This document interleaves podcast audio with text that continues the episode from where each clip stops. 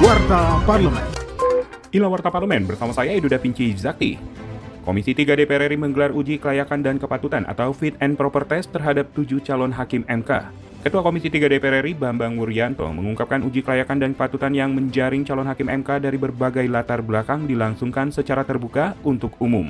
Legislator fraksi PD Perjuangan itu mengingatkan uji kelayakan dan kepatutan yang digelar secara profesional tersebut diharapkan mampu menghasilkan hakim MK yang dapat menjalankan tugas dan fungsinya sesuai dengan perundang-undangan.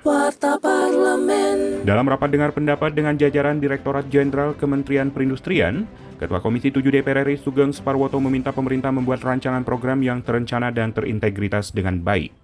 Mohon maaf misalnya apa pun bisa ditunda dalam rangka kepentingan yang lebih strategis ke depan. Jangan semata-mata dari OR 1, sekian menjadi 12-14 persen menjadi katakanlah slab entah apa. Langsung, langsung itu diekspor. Harus perencanaan bersifat integrated gitu loh.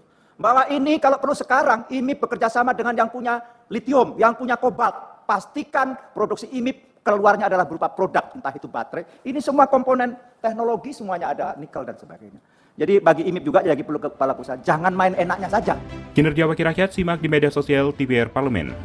Sekjen DPR RI melalui TV dan Radio Parlemen kembali mengadakan Lomba Orasi Bintang Orator atau LOBO. Lomba kali ini mengajak publik untuk memberikan masukan terhadap perubahan kedua atas Undang-Undang Nomor 11 Tahun 2008 tentang Informasi dan Transaksi Elektronik atau ITE yang saat ini sedang dibahas Komisi 1 DPR. Mahasiswa, siswa, dan masyarakat umum dapat memberikan masukannya melalui orasi dalam bentuk video berdurasi 5 menit dengan mendaftarkan diri melalui email bintangorator@dpr.go.id. Pendaftaran ditutup tanggal 15 Oktober yang akan datang. Untuk informasi lebih lanjut silakan kunjungi laman dpr.go.id. Televisi Radio. Demikian Warta Parlemen Produksi TV dan Radio Parlemen Referensi Indonesia. Biro Pemberitaan Parlemen Sekjen DPR RI